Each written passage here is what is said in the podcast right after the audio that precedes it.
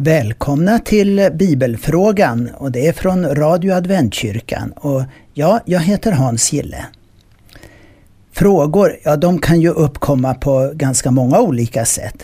Ibland är det genom att någon har börjat att fundera på varför vi gör på ett visst sätt eller på olika sätt inom våra kristna led. Och den här frågan, det är just en sån. Så frågan lyder Jag har lagt märke till att det talas mer positivt om bikten i våra dagar. Vad finns det för biblisk grund för bikten? Ja, det här med att bikta sig, det innebär ju att man för någon, vanligen en präst, berättar om sin synd och sina felsteg. Detta ska man till exempel inom vissa delar av kristenheten vara något som man gör till exempel helt innan nattvarden. Till bikten hör då också den så kallade absolutionen, att den som biktar sig får sin avlösning med orden ”dina synder är dig förlåtna” och på samma gång får någon en botgärning som de på något sätt ska göra. Frågan är, finns det något bibliskt bakom detta? Ja, för det första så kan vi ju konstatera att i Gamla Testamentet så kommer ju syndaren till templet för att offra. Och där så tog prästen emot offret och så att säga la över den personens synd på djuret som sedan slaktades. Djuret får då ta straffet för människans synd. Ta till exempel tredje Mosebok 5 och 5 där det bland annat står Då ska han, när han inser att han är skyldig till något av detta, bekänna den synd han har begått och bära fram gottgörelse för sin synd till Herren. Och beroende på vad man hade råd till så kunde man sen offra lite olika saker som till exempel får, duvor eller till och med lite mjöl för den som var riktigt fattig. Som syndoffer som det står. Och vidare, prästen ska bringa försoning åt honom för hans synd. På så sätt så kan man säga att bikten med sin bekännelse och förlåtelse egentligen har sina rötter i Gamla testamentets tempelsystem. Men när vi sedan kommer till Nya testamentet så ser vi hur Gamla testamentets former har ju fått övergå till något annat. Till exempel templet, Johannes 2.19 och 21 så står det Jesus svarade, riv ner detta tempel så ska jag låta det uppstå igen på tre dagar. Judarna sa, i 46 år har man byggt på det här templet och du ska låta det uppstå igen på tre dagar. Men det tempel han talade om var hans kropp. Och det här är ju Jesus som talar, så templet är alltså Jesus här. Eller i Första Korinterna 3 och 16. Förstår ni inte att ni är Guds tempel och att Guds ande bor i er? Ty Guds tempel är heligt och ni är det templet. Templet är alltså också Guds församling. Offret då? Ja, i Romarna 8 och 3 så står det då han lät sin egen son bli lik en syndfull människa och sände honom som ett syndoffer, dömde han synden i världen. Så Jesus, han är det här syndoffret. Det kan vi också läsa om i Hebreerna, det tionde kapitlet och vers 12. Men Jesus frambar ett enda syndoffer för alla tider. Efter detta så behövs alltså inga fler offer. Och det här med prästen då?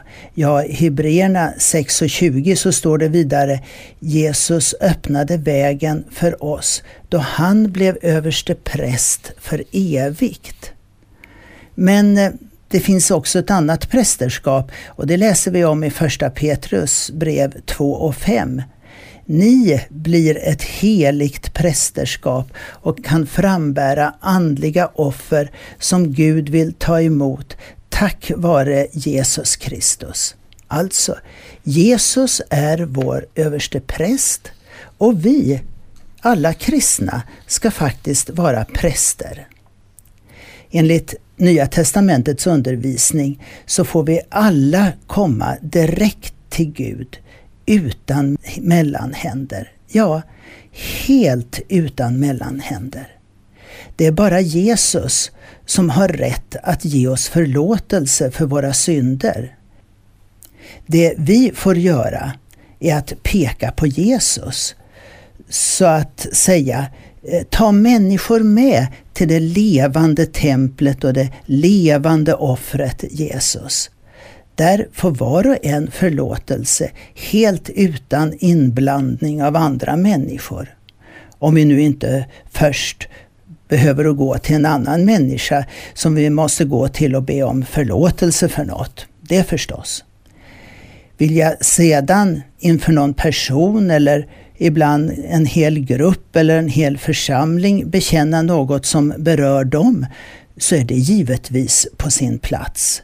Och vill jag dela min börda med någon annan kristen så är det givetvis fritt fram också för det. Det kan ibland vara gott att slippa bära på saker och ting helt själv, särskilt när det är svåra minnen som vi går med. Ta Galaterna 6 och 2. Bär varandras bördor så uppfyller ni Kristi lag. Med tanken på att präster och pastorer i vårt land har tystnadsplikt så kan det ju ibland också vara bra att få gå till en sådan. Martin Luther var på sin tid inte helt avvisande till bikten och poängterade att det inte var självklart att det måste vara en präst. Men det han kallade för öronbikt, det som då var påbjudet av kyrkan, den hade han ingenting till övers för. Så har någon ringt in och vill veta vad nåd är för något. Det står ju ofta i Bibeln om nåd. Finns det en enkel förklaring? Ja, om jag har begått ett brott och blivit dömd för det så kan jag be om nåd. Lämna in en nådesansökan och slippa straffet eller delar av straffet. I USA, där vissa stater har kvar dödsstraffet, kan en dödsdömd begära om nåd och då kan straffet omvandlas från en dödsdom till livstidsfängelse istället. Det har ju ibland också hänt att även oskyldiga faktiskt har dömts helt felaktigt. Och dessutom så är det ju så att människor som har ansett sig vara oskyldigt dömda för ett brott som eh, de inte anser att de alltså har begått, eh, de får också problem med att begära om nåd faktiskt. För ber man om nåd så är det ju samtidigt så att jag erkänner ju på något sätt att jag är skyldig. Och det är så man tänker. Jag tänker på att när jag var liten och gick i skolan så var det en pojke som ofta ville retas med mig. En dag så kokade det över för mig och jag började försvara mig. Och vi, vi rullade runt i gruset på skolgården. Men han var både äldre och starkare och lilla jag hamnade i underläge på rygg. Och det är då jag kommer ihåg hur han skrek åt mig. Be om nåd, be om nåd. Jag ville inte. Varför? Nej, jag tyckte ju att det var han som burit sig illa åt mot mig. Jag kände mig rakt inte som en syndare som skulle behöva be om nåd. Jag blev väl tvungen till sist när skolklockan ringde och rasten tog slut. Ja, Nåd, det är meningslöst om det inte finns synd och skuld. Idag, när allt ska vara accepterat och rätt för var och en, så är det få som egentligen vill erkänna sig som syndare, att de har gjort fel. Och då inser man inte heller behovet av att få nåd. Naturligtvis inte. Jag tänker på Petrus. Han visste att han var en syndig människa. Han sa en gång till Jesus i Lukas 5 och 8 det står så här, då kastade sig Simon Petrus ner vid Jesu knän och sa, lämna mig Herre, jag är en syndare. Även Paulus visste vad han hade gjort. Han visste att han var en syndare, så han skriver så här.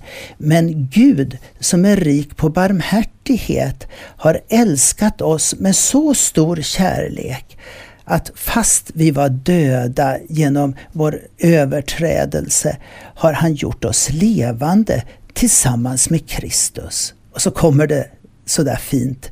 Av nåd är ni frälsta och uppväckt oss med honom och gett oss en plats i himlen genom Kristus Jesus.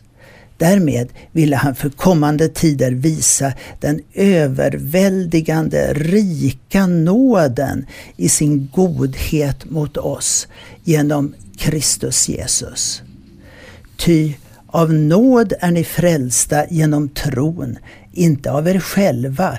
Guds gåva är det. Det beror inte på gärningar. Ingen ska kunna berömma sig. Så du ser, nåd, det är faktiskt ingenting som vi kan förtjäna. Nåd, det är bara en gåva. Och den här gåvan, det är den som vi får av Gud när vi kommer till honom och tror på det här med att Jesus har gjort allt det här för oss när han dog och uppstod. Och det är faktiskt den enda räddningen. Så ja, jag ber om förlåtelse och så får jag nåd. Jag hoppas att det här är enkelt nog nu då. För nåden, det är ingenting som är tillkrånglat på något sätt. Nej, nåd det är någonting så enkelt som att jag knäpper mina händer och jag ber en bön till min far i himmelen om att just få förlåtelse. Det är det som är nåden. Så du som inte har provat på vad verklig nåd är, ja, då ska du verkligen passa på att göra det. För det är verkligen något stort i våra liv. Och en otrolig frihet. För nåden gör oss fria och det är ju egentligen det som vi vill ha. Den där friheten i Jesus Kristus. Ja, så vill jag tala om att vi som vanligt kan få in frågor hit till Radio Adventkyrkan. Du ringer då på 031 711 11 99 Alltså, kom gärna med dina frågor. Vi tar gärna emot dem och vi gör vad vi kan för att göra det allra bästa av de här frågorna som kommer in. Adventkyrkan finner du på Norra Allégatan 6 nära Järntorget. Och du har nu lyssnat på Radio Adventkyrkan och jag som har talat är eh, Hans Gille och den som har skött spakarna är som vanligt Anne-Maj Sandström. Så fortsätt att lyssna på Radio Adventkyrkan och du ska finna många fina guldkorn där.